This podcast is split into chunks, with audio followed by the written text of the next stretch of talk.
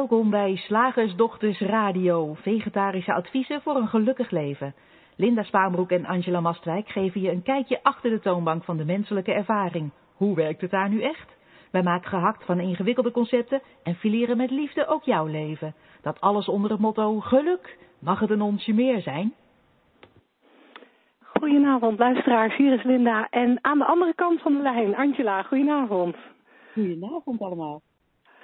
Vanavond uh, gaan wij het hebben over uh, nooit meer time management. En uh, voordat we daar naartoe gaan, eerst natuurlijk even mijn gebruikelijke verzoek aan iedereen om je vragen, dilemma's, ja maar's aan ons voor te leggen via het Q&A-vak dat je lager op de pagina ziet waar je naar ons kijkt niet naar ons kijkt, maar waar je naar ons luistert. En uh, voor de podcastluisteraars geldt natuurlijk dat je je vragen altijd aan ons kunt toesturen via welkom@deslagersdochters.nl. Die zien we heel graag, want we vinden het superleuk om met je vragen aan, uh, aan de slag te gaan. En juist het stellen van je eigen vragen maakt dat je een beetje dieper in de inzichten zakt die wij met je delen op deze avond. Nou, tot zover. Um, ja, nooit meer time management. Waarom, weet jij nog waarom wij überhaupt over time management wilden hebben, Angela? nou, ik zat dat net ook te bedenken terwijl ik keek, wat waar gaan we het over hebben vandaag? En uh, ik kan het zo niet meer voor me halen eigenlijk. Maar ik denk dat wel dat het een soort uh, wens is van uh, de managers onder de luisteraars en misschien ook de moeders en vaders onder de luisteraars. Ik zie dan, ik heb hier een tijdje tv gehad, dus dan zie ik allerlei reclames weer voorbij flitsen. En de, daarin lijkt iedereen enorm druk te zijn, ook in het weekend. En ja. Uh, dus ja, nooit meer time management klinkt dan heel aantrekkelijk. Uh, en wij, ja, wij schijnen ons licht daar op een andere manier op, denk ik, dan gebruikelijk is. Hè? Want uh, ja, tijd lijkt heel, ja. heel vast begrip in, in, in, uh, in onze westerse hectische wereld. Nou ja, je hebt het inderdaad maar 24 uur in zo'n dag. En, en maar 8 of 10 of 12, hoe lang je wil werken in een werkdag. En, en daarin moeten dingen gebeuren. Dat, het lijkt allemaal heel vast te staan. En wij denken daar toch iets anders over, denk ik. Ja, en, en um, ik, ik vermoed dat jij, dat ik weet welke kant jij daar heel veel. maar daar komen we zo meteen op. Um, ja. Ik denk dat er ook een, uh, een kant aan zit van um, uh, in, inderdaad heel veel uh, te doen hebben. En op alles ook heel veel druk leggen. Um, uh, alles moet ook. Het lijkt wel alsof we. Hè, want ik, ik heb time management. ik heb veel aan time management gedaan. Ik weet waar ik het over heb. Ik ben geschoold ja. in time management door de meester op het gebied van time management in Nederland. En um, uh, dus ik, ik, heb, ik heb me zwaar verdiept in een time management systeem dat Getting Things Done heet. En uh, heb later ook nog meegedaan aan, uh, een, aan twee jaar lang aan een programma dat extreem productief heette. Dus eigenlijk alles om maar zoveel mogelijk gedaan te krijgen. En wat ik met name bij Getting Things dan merkte, een Amerikaans time management systeem dat uh, destijds naar Nederland gehaald is door, uh, door Taco Oosterkamp. Um, Getting Things dan gaat er heel erg over dat je, dat je rust in je hoofd krijgt. als je ervoor zorgt dat je, ja, dat je, dat je, eigenlijk je, je werkgeheugen rust geeft omdat je alles wat je moet doen ergens hebt genoteerd. En ook een systeempje hebt om uh, op gezette tijden naar alles wat je genoteerd hebt te kijken. Zodat jouw onderbewuste er echt op kan vertrouwen. Ik ga niks vergeten. Het komt allemaal goed. Klinkt nou, ik heb dat. Ja, klinkt, klinkt onwijs goed. En ik heb dat, uh, ik heb dat uh, ook gedaan. Heb het een aantal jaren toegepast. En, en dat werkte hartstikke goed. Zolang je je aan het systeem hield. Want je, je, moest wel opgezette tijden terug naar je systeem. Nou, het aantal keren dat ik de notitie in mijn agenda Getting Things tijd heb genegeerd, of wekelijks onderhoud heette het, hoe vaak ik dat heb genegeerd, je wil het niet weten. Dus dan vlieg je, dan vlieg je toch een beetje uit de, uit de bocht. Want ook zo'n time management systeem uh, ja, brengt toch een bepaalde hoeveelheid werk met zich mee. En nogmaals, het werkt, maar het gaat wat mij betreft voorbij aan, aan de essentie van Ja, ik wou zeggen de essentie van time management, maar dat klopt niet. Want jij hebt, ik vermoed nog steeds dat jij het over een, hè, dat jij het wil gaan hebben over, ja, tijd. Wat is tijd nou eigenlijk? Uh, dat, dat, dat, is, dat is de andere essentie ervan, of dat is misschien wel de echte essentie ervan.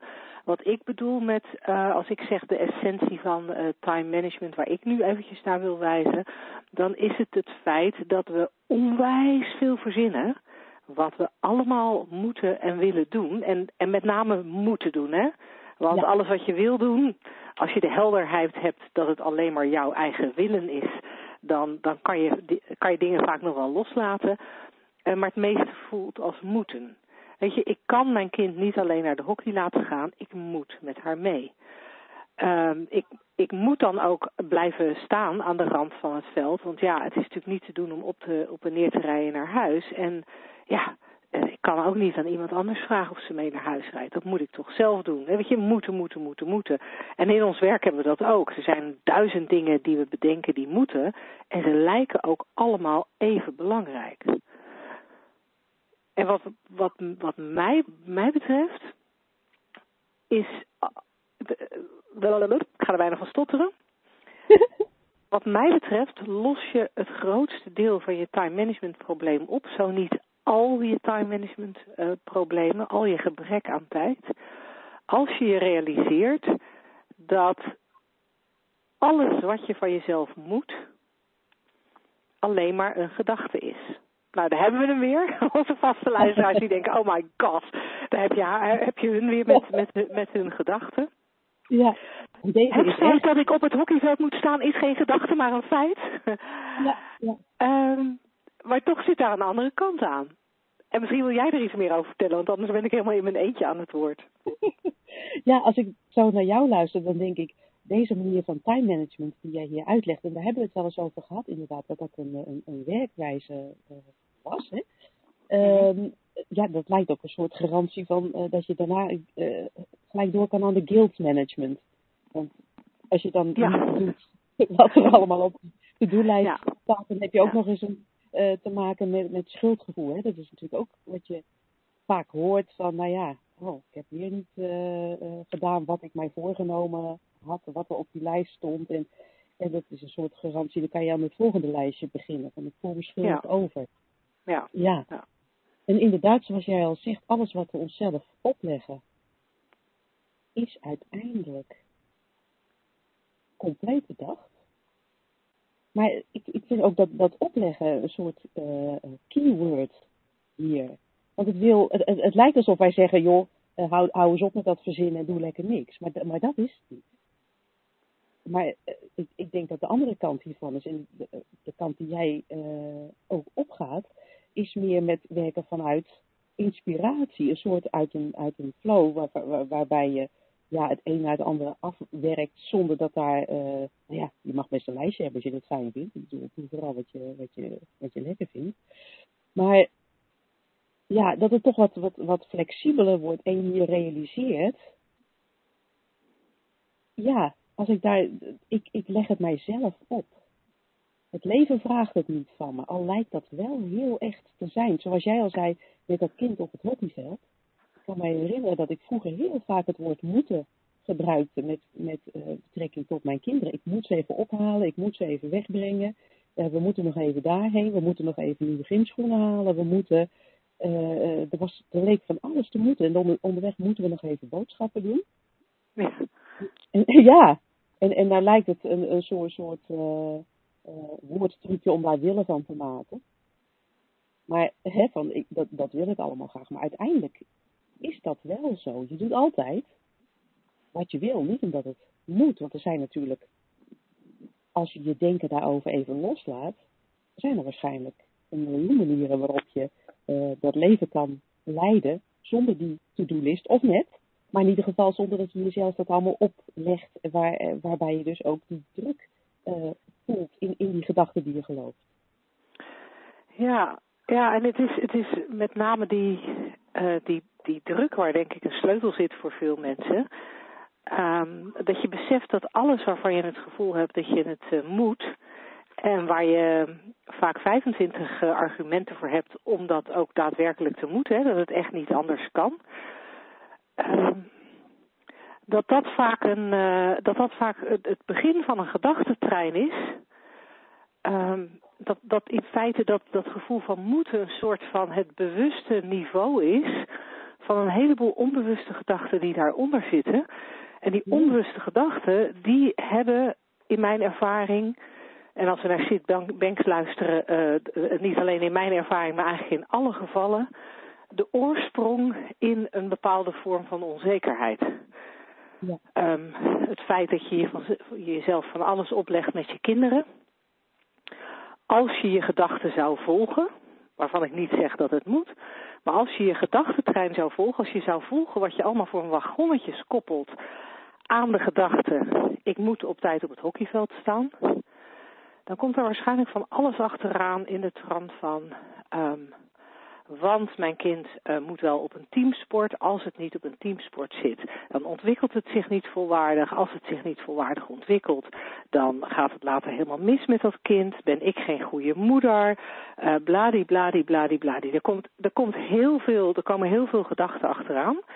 Um, ja, en ik zou de luisteraars willen uitnodigen om eens nieuwsgierig te zijn naar het feit van, hé, hey, klopt het dat, dat, dat alles wat ik mezelf opleg, uiteindelijk terug te voeren is op onzekerheid. In je werk kan je het vaak ook zien, zeker als je een eigen bedrijf hebt zoals, zoals ik. Ja, als ik nu deze promotie niet doe, dan komt er niet genoeg geld binnen. Nou ja, en als, als ik, als ik drie, die trein ga laten rijden van, van niet genoeg geld, ja, weet je, dan, dan komt er een berg aan onzekerheid over hoe het dan met mijn toekomst moet en hoe het met mijn kinderen moet en hoe het met mijn huis moet en hoe het met mijn hondje moet. En dan, dan ja, dan, dan, dan kan ik heel duidelijk herkennen van het, is, het, het, het moeten komt allemaal voort uit, uh, uit de onzekerheid. Ja, ja klinkt enorm angstgedreven. Wat zeg je? Het klinkt inderdaad enorm angstgedreven, oftewel, ja, onzeker. Ja, ja. En, en denk jij ook dat dat inderdaad altijd het geval is, of heb je daar een andere visie op? Ik, ik heb geen idee eigenlijk of dat altijd het, het geval is. Wat ik wel weet is dat als ik dat er ook een manier is van werken vanuit een, een, een, staat van zijn waarin je dat soort gedachten allemaal ja, niet gelooft. Hè, want dat we ze niet meer hebben is natuurlijk een fabeltje. Uh, die steken nog steeds de, de, kop op. Maar als je daar niet zoveel van aantrekt, ja, dan, dan, dan zit je veel makkelijker in een soort flow. En flow houdt ook eigenlijk in voor mij tijdloosheid. Ja. En, en dan merk je, en ik denk dat jij precies hetzelfde ziet, maar correct me if I'm wrong, dat je dan op een dag ook veel meer gedaan krijgt op een, op een meer moeiteloze manier. Want als je niet gedreven wordt door angst en onzekerheid, maar door inspiratie, en, en geef daar de naam aan die je, die je zelf wil en die, je, die je prettig vindt, ja, dan, dan, dan lijkt het zo te zijn alsof ook alles en iedereen veel meer meewerkt. Alsof er minder weerstand is. En dat zit natuurlijk allemaal in je, eigen, in, in, je eigen hoofd. Misschien zie je het dan gewoon niet eens werkend in flow. Uh, vallen er een heleboel obstakels weg, omdat die obstakels nu eenmaal alleen maar in, jou, uh, in jouw hoofd opgebouwd waren.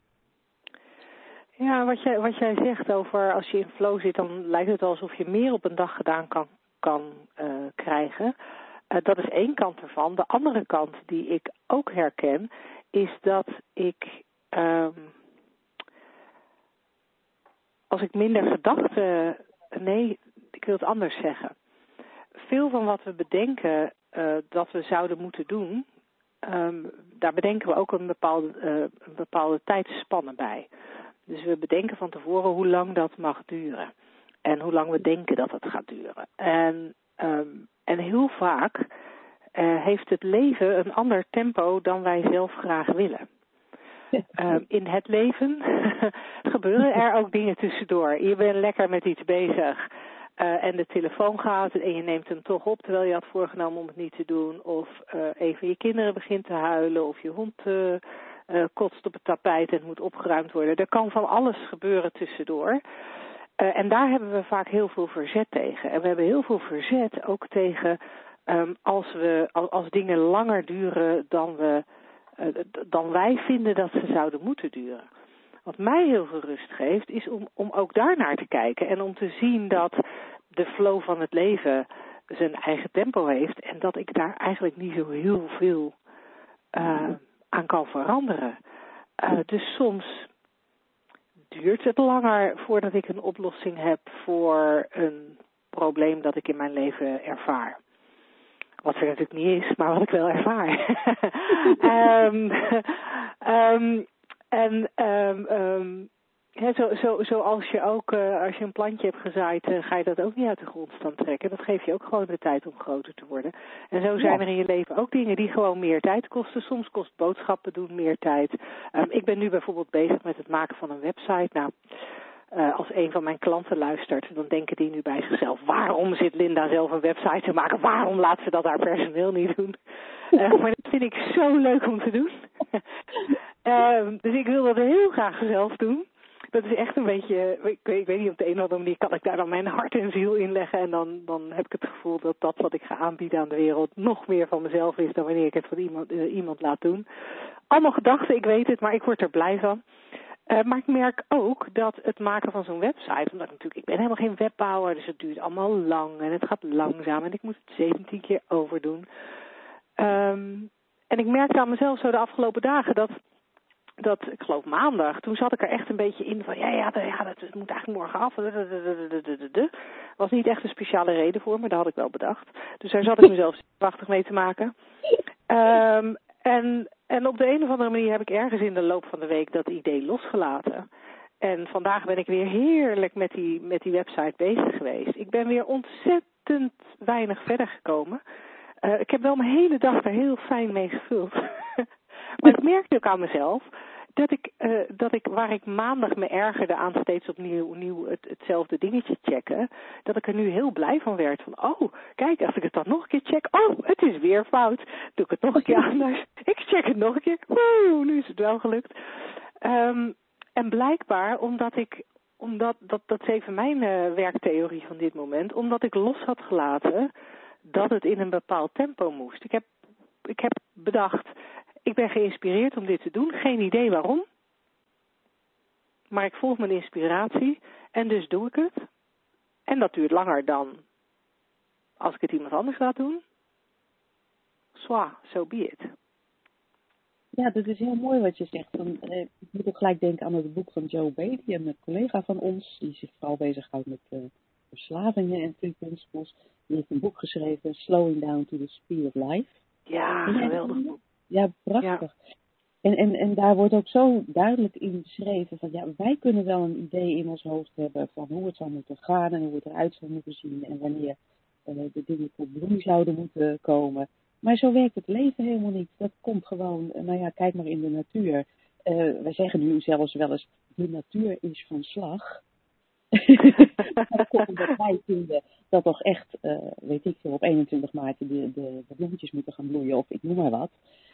Maar die natuur, die, doet gewoon, uh, die volgt de natuur, letterlijk. Ja, en, ja. Ja, en, het, en, en uh, even dat laatste punt aanstippend die wij, wat wij hebben genoemd, is ja, wij kunnen, wij zijn natuurlijk ook onderdeel daarvan, van die prachtige natuur en hoe dat zich ontvouwt. En wij, wat op ons to-do-list zou moeten staan, is ons eigenlijk, wat, dat beschreef jij ook heel mooi, eigenlijk overgeven daaraan. Van de natuur. Ja. Uh, ja, het, het, leven weet echt beter wanneer iets tot bloei moet komen dan ik. Ja, ja.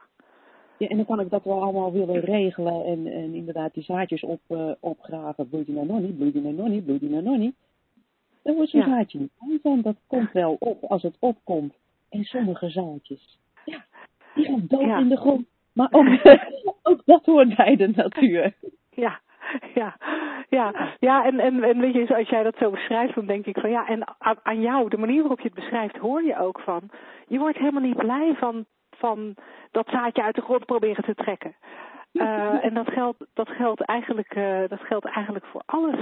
Uh, je wordt er helemaal niet blij van om het te forceren, om het op te jagen, om 17 dingen in een dag te willen doen. Terwijl je eigenlijk blijer zou zijn als je er maar twee in een dag zou doen. Ja, er hoort een soort hey. verwondering ook bij als ik, als ik, als ik erover nadenk. Van, wauw, moet je kijken hoe alles een eigen tijd heeft en hoe alles dan eh, in elkaar past en hoe alles ja, ja, een eigen tempo heeft. Nou, prima. Ja. Met Ja. verwondering ernaar kijken in plaats van wanhopig proberen dat te sturen omdat ik bedacht heb hoe het moet. Ja, precies, precies.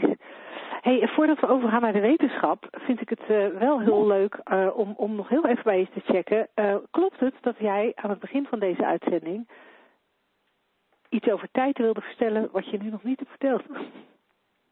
Oh, iets over tijd wil vertellen. Ja, het is, het is zo grappig. We hebben dat in de wetenschap in onze radioshow wel eens behandeld. Dat tijd eigenlijk alleen maar de beweging is van gedachten. En, dus, eh, en straks mijn stukje wetenschap gaat daar ook iets over zeggen. Oké, nou dan, dan. Ja, ja dat tijd eigenlijk daarop. niet, niet, niet, een, niet een onafhankelijk objectief iets is. Hè. Dat kan je natuurlijk ook, eh, zoals wij al zeiden, in flow is er vaak geen, eh, geen tijd. Dan, dan ervaar je dat niet zo, dan gaan de uren voorbij. En dan kijk je op en dan denk je, "Oh, is het al donker? En, Mhm. eh, maar dat, ja, dat is natuurlijk logisch als tijd eigenlijk niet een, een objectief iets is, zoals eigenlijk de hele wereld niet een objectief iets is, maar jouw waarneming daarvan. Dus ja, de tijd als beweging van gedachten. Maar misschien dat het straks in het stukje wetenschap nog duidelijker wordt. Gaan we gelijk naar luisteren. Slagersdochters, wat zit er in de leverworst? Oftewel, tijd voor wat wetenschap. Ja, ik heb eh, een heel mooi eh, stuk gevonden, artikel. De, de- ik, ik, denk, ik lees geen krant, maar ik denk dat ze ervoor van hebben gestaan. Dus misschien dat luisteraars er ook wel bekend mee zijn. Eh, jij droeg het eigenlijk vorige week aan, Linda. Eh, de, de, de publicatie van een eh, Nederlandse theoretisch fysicus, Erik Verlinde. Eh, over onder andere zwaartekracht. Ja, hij was toevallig gisteravond in de wereld draait door daarmee. Oh, kijk. Nou, Ja. hartstikke mooi. Misschien eh, dat onze luisteraars ook alweer wel, wel enigszins mee, eh, mee bekend zijn. Maar wij vonden het eh, interessant, omdat wij vaak eh, zwaartekracht gebruiken als voorbeeld van een natuurwet, zoals ook de drie principles dat zijn. Maar hij zegt dus, nou, zwaartekracht is niet een op zichzelf staand fenomeen. Nou, ehm, ik ga eens proberen daar een, eh, een beetje een, eh, een, een slagersdochterslicht op te, op te werpen. Als ik verlinde lees trouwens, dan moet ik altijd dan moet ik gewoon denken aan, aan shownieuws. Dat is toch ook een verlinde? Ja, Albert Verlinde, ja. Ja, precies. Ja, dus ja. dat is heel grappig. Maar dit is dus een, een, een hele serieuze theoretisch fysicus. Dat is trouwens niet, niet shownieuws, maar boulevard. Maar goed, Oh, sorry. oké. Serieus Ja. theo- theoreticus.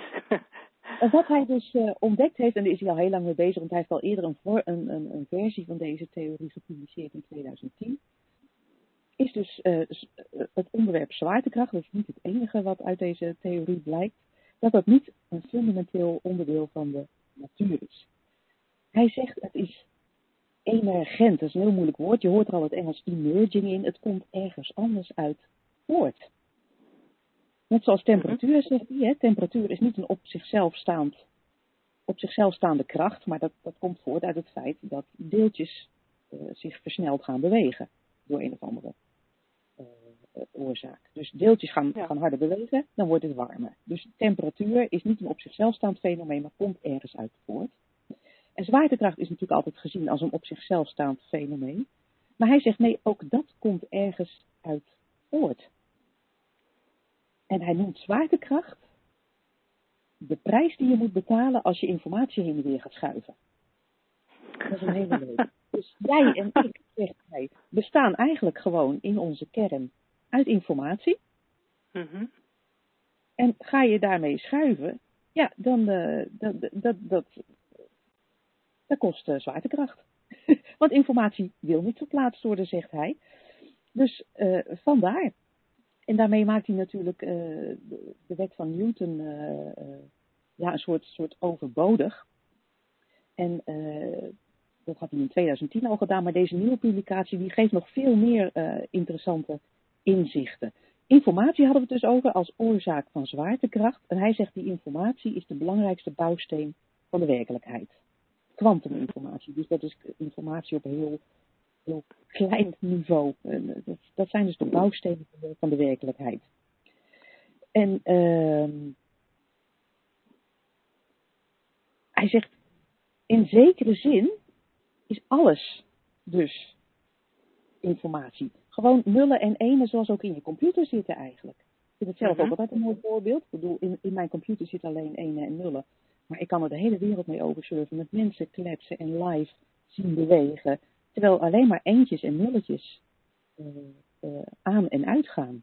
Ja, ik vind Mhm. het eh, ongelooflijk. En hij zegt, ja, het hele universum werkt eigenlijk zo. Onze diepste kern is informatie. En de vorige theorieën van andere fysici, daarin werd donkere materie en donkere energie eigenlijk niet begrepen. Hè? Dat was van, nou ja, we hebben materie, dat is, weet ik veel, Ja. een klein percentage van alles wat er is. En de rest, ja, ja, dat is eh, eh, donkere materie. Ja. maar wat het nou precies was, iets met zwaartekracht had het te maken. Maar eh, ze, ze waren niet precies achter wat het nu was. En ook daar schijnt dus deze theorie licht op. Want hij zegt, zowel donkere materie als donkere energie hebben ook te maken met zwaartekracht. Donkere materie veroorzaakt extra zwaartekracht. En donkere energie is een soort anti-zwaartekracht die het heelal uit elkaar duwt. En ja, doordat hij, als, doordat hij informatie als de kern ziet van het universum, schijnt deze hele theorie te kloppen. Nou, ik zie hem niet voor me, moet ik eerlijk, eh, eerlijk bekennen.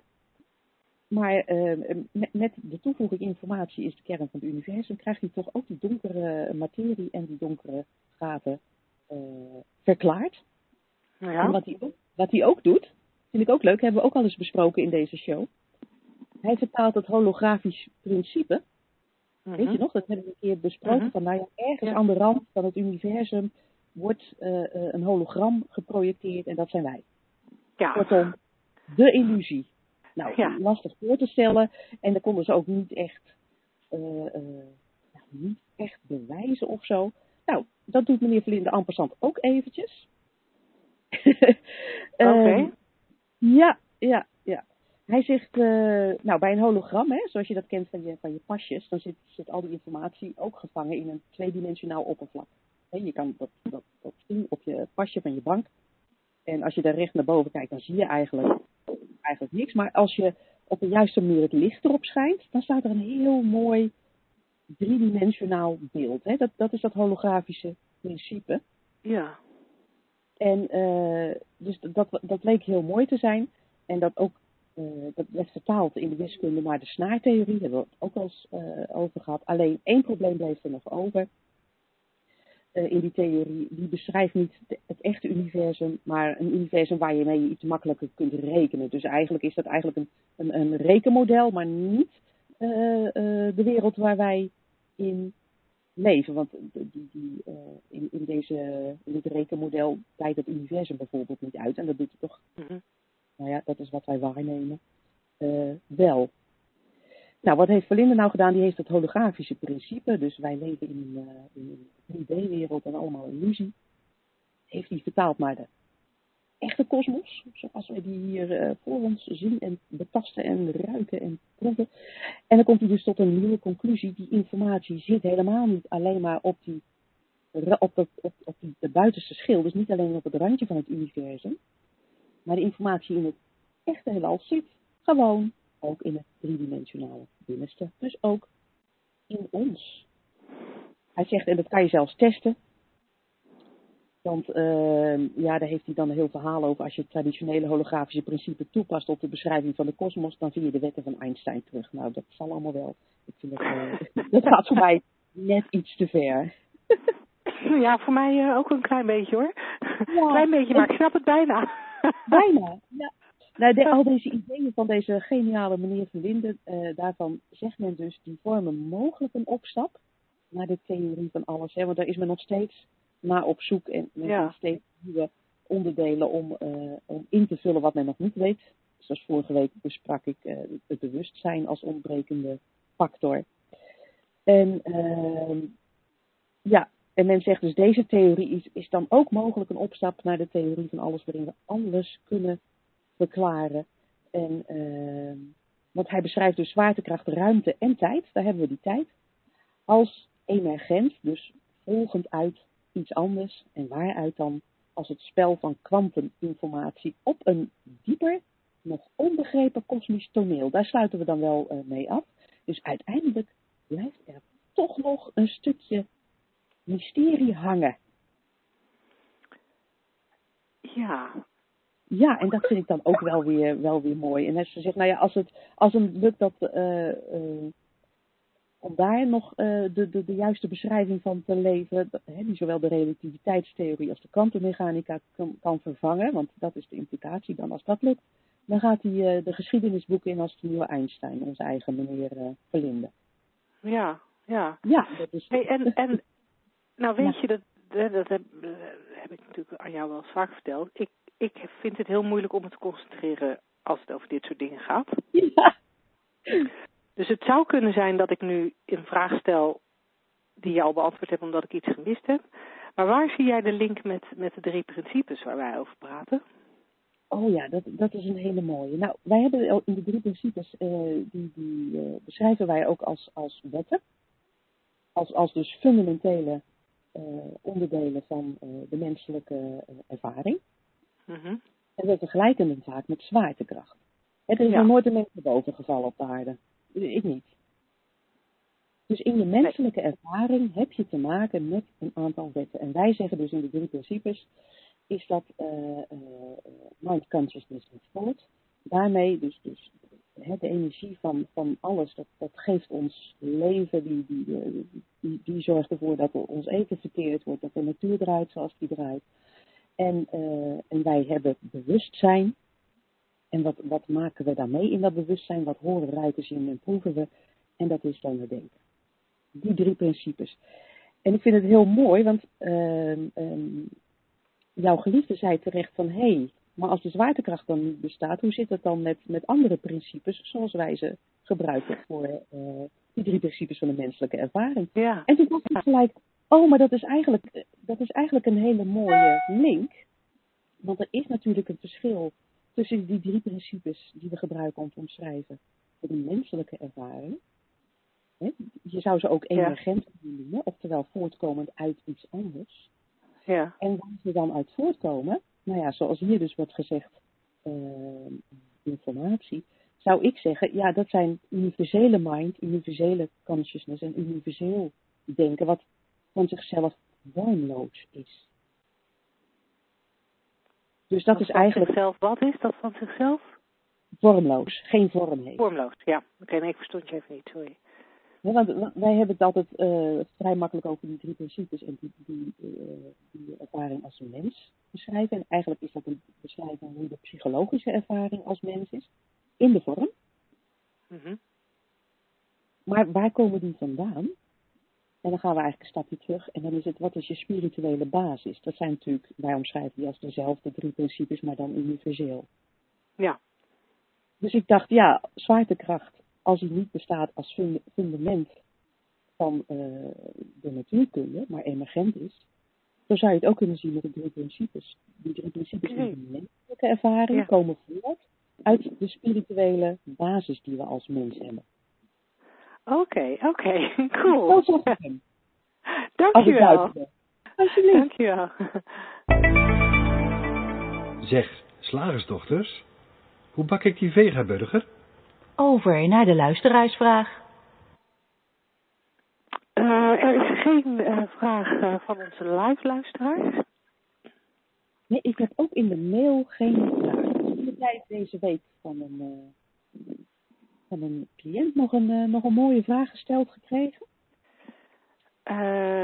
ja, maar dan moet ik even ik, bij. Ik, ik, heb ik, niet over, over, ik heb er niet van tevoren over nagedacht om het even op te schrijven. Maar ik had een ontzettend leuke uh, ontzettend leuke mastermind. Uh, oh ja, ik weet het alweer.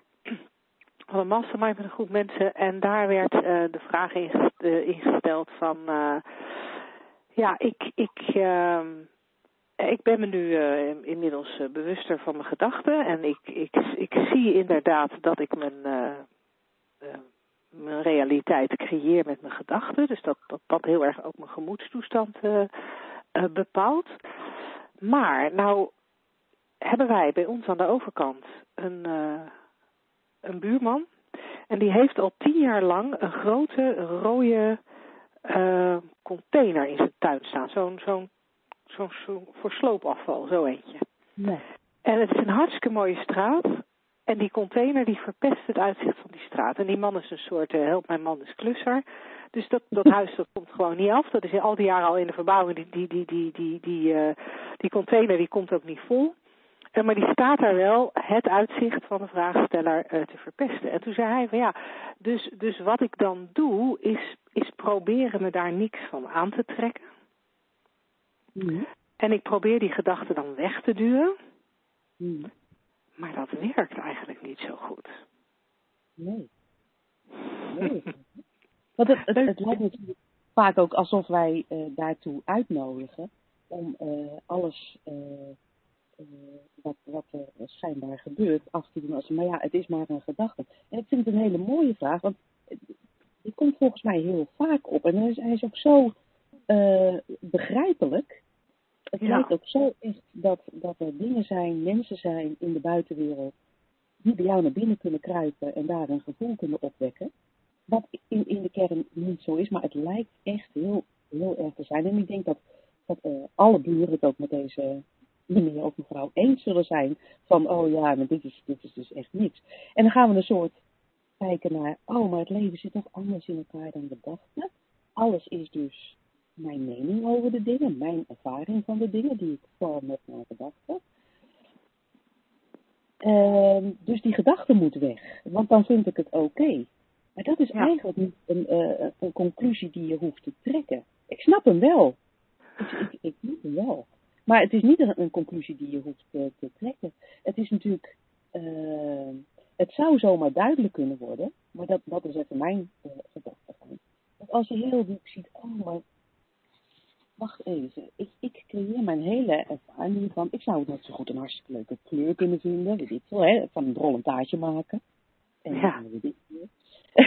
maar als je heel diep gaat zien dat je echt 100% je ervaring creëert en daardoor in een soort stilte valt, want dat, dat is eigenlijk een soort ja, logisch gevolg. Dat is wat er in onze ervaring gebeurt als je dit echt diep gaat zien. Van, oh, wacht even. En in die stilte zou er zo nog iets op kunnen komen. En, en dat kan ik natuurlijk niet voorspellen. Maar een nieuwe frisse gedachte. Ik kan me voorstellen dat je al vijf jaar er tegenaan zit te kijken en denkt weg met dat ding. En dat er ineens de gedachte opkomt, ik zeg maar wat, hè, maar het kan natuurlijk elke willekeurige gedachte zijn. Van, ik ga eens met die man een biertje drinken en we gaan het er zo over hebben. Dus Ja. ik, ik, weet, ik, ik noem maar wat. Maar in ieder geval, uh, het, realiseren dat je slechts, maar dat is een, dat is een heel verkeerd woord, tegen je gedachten aan zit te kijken, betekent niet dat je nooit meer actie onderneemt. Het betekent juist dat, dat de actie die nog te ondernemen is, alles wel te ondernemen is, vanuit een andere uh, bron zou ik haast willen zeggen, onderneemt vanuit een andere staat van zijn, vanuit eigenlijk volledige acceptatie van wat er is. Mm-hmm. Jij had het net ook al over verzet. Vanuit geen verzet. En ja, dan, dan, dan gebeuren er gewoon andere dingen dan je gewend bent, zou ik me zo maar voor kunnen stellen. Is mijn ervaring ook. Ja. Ja, en, en, en wat, wat ik interessant vind is dat uh, degene die de vraag stelde, die, die, die kijkt nog maar kort in deze richting.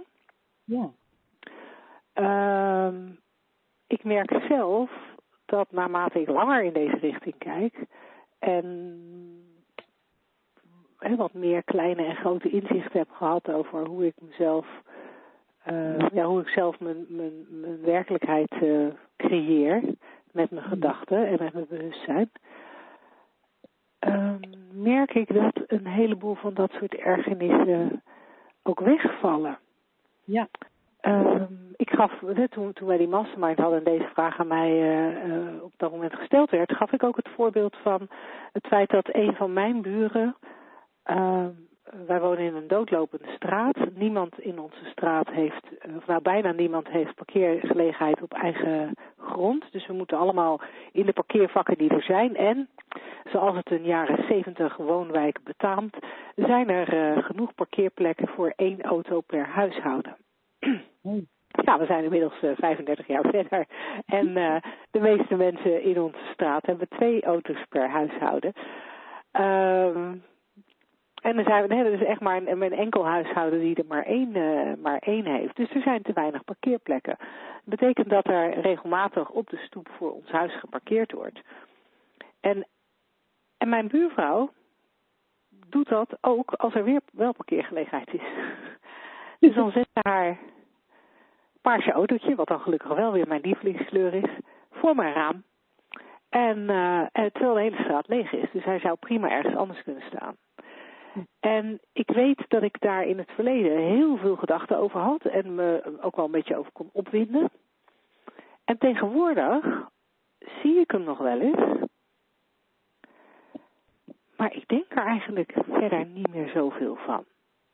Ja. Het, het is veel meer, oh de paarse auto staat er, punt. Ja. En niet meer het hele verhaal erachteraan.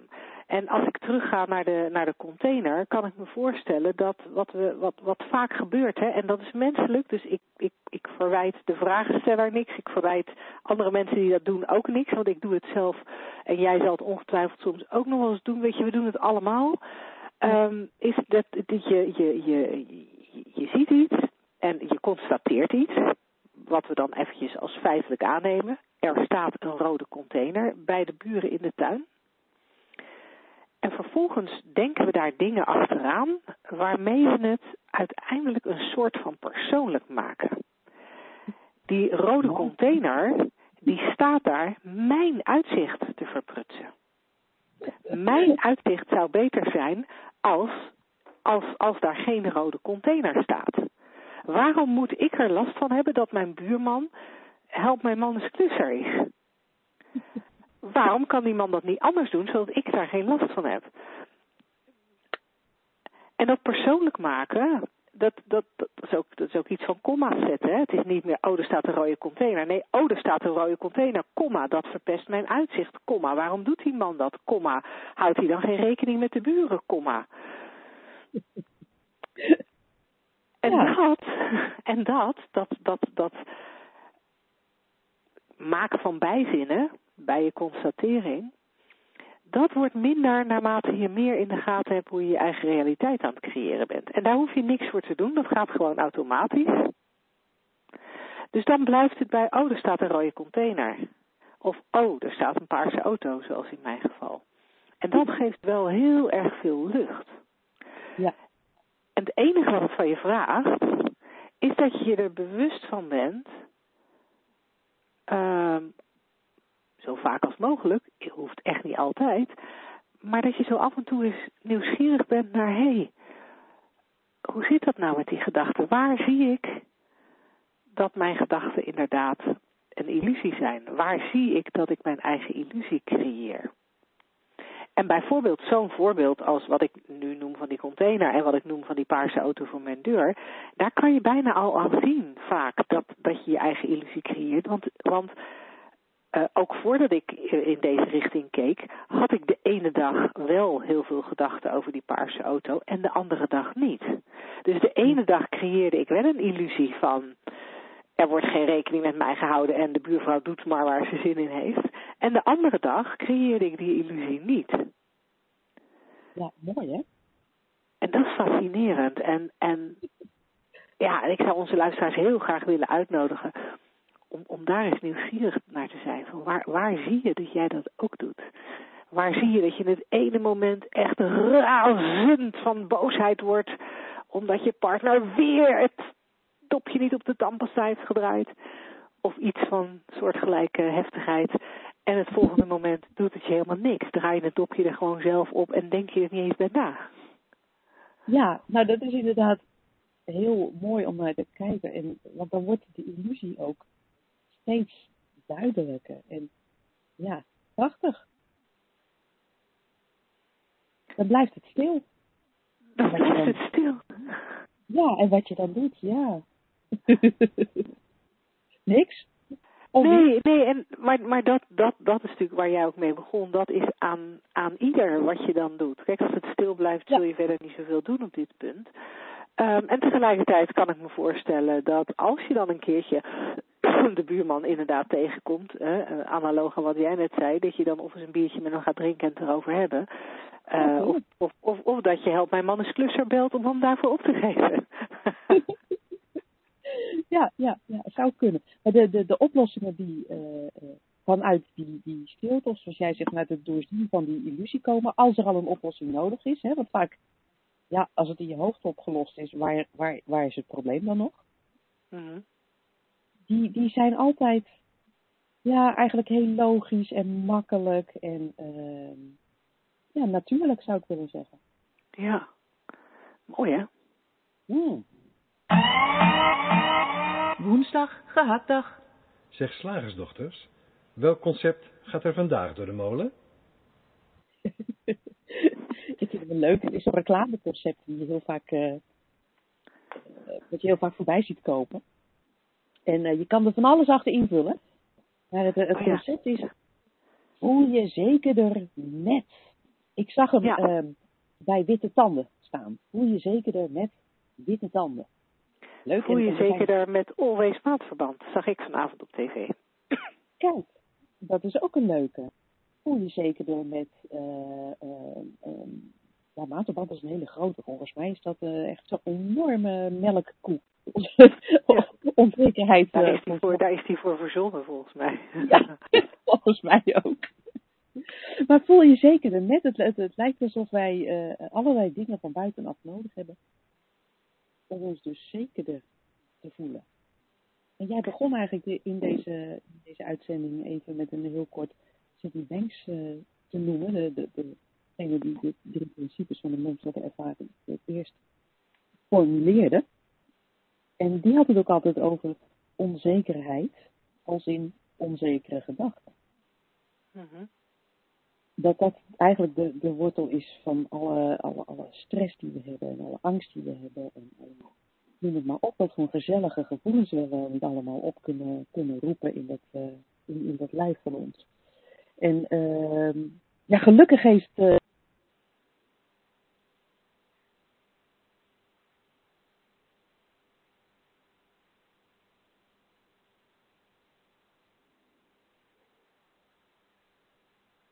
Nou, ik kan jou niet meer horen, Angela.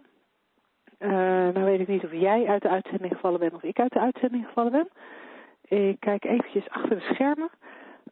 En het lijkt alsof we er, het lijkt alsof er allebei nog zijn, maar ik kan Angela totaal niet meer horen. Dus het is nu even de vraag of wij dwars door elkaar heen zitten te praten. Ehm, of dat bij mij het systeem er totaal mee gestopt is.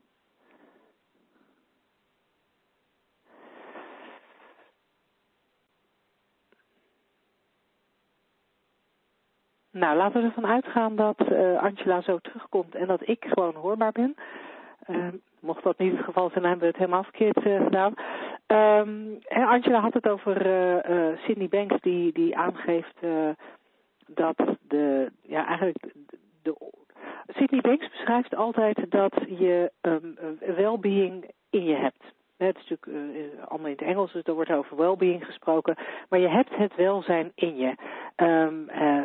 Je bent gezond, je bent psychisch gezond. Ehm, alleen voelen we dat niet altijd. Maar het zit wel altijd in je. En hij heeft het dan ook heel vaak over het goede gevoel zit in je. Dat goede gevoel dat. waar, waar we eigenlijk allemaal naar streven. Dat goede gevoel waarom we relaties aangaan, waarom we hard werken. eh, waarom we soms, soms in verslavingen trappen, omdat we dat goede gevoel willen hebben. Dat goede gevoel is er al, dus eigenlijk hoef je er niks voor te doen. Maar de reden dat we dat vaak niet zien of niet ervaren, eh, is volgens Sydney Banks omdat we heel veel onzekere gedachten hebben. Onzekerheid, onzekere gedachten halen ons weg bij dat goede gevoel.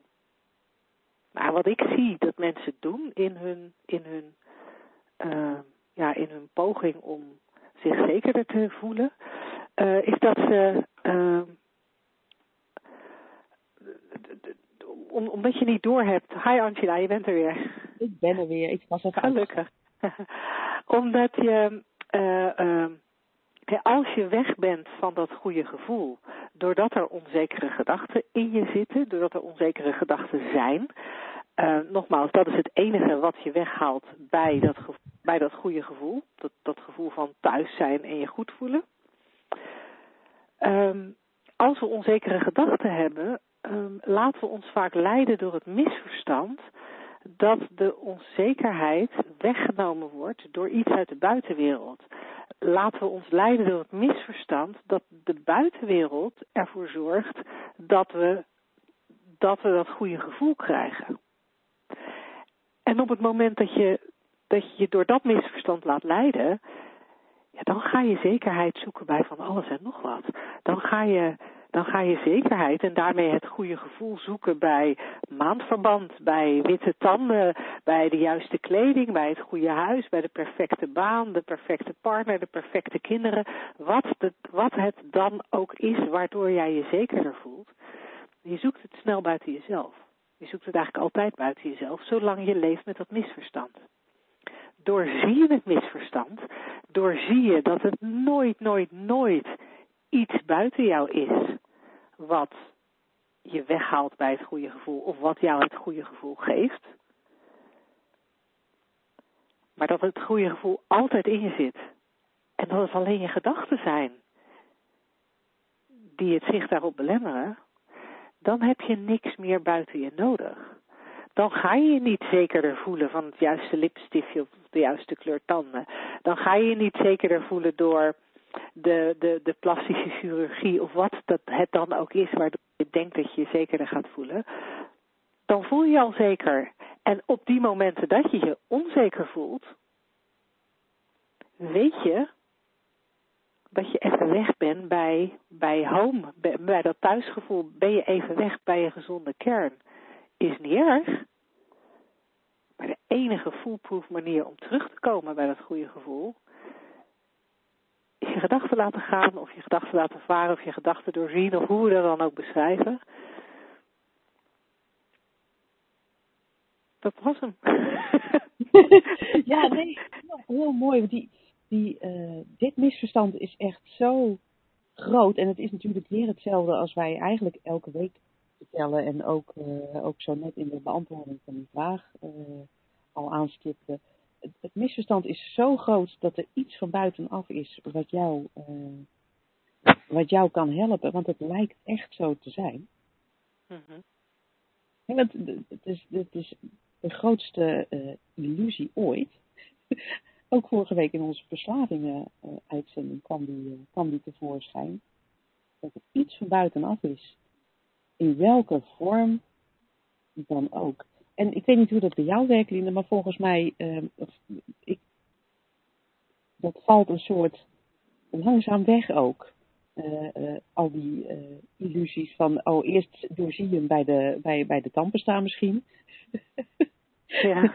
en en, en vervolgens wordt het, tenminste in mijn geval zo, steeds, steeds grotere, groter lijkende dingen die, die, die wegvallen om aan vast te houden voor je, voor je, voor je zekerheid en, en daarmee voor je, voor je geluk.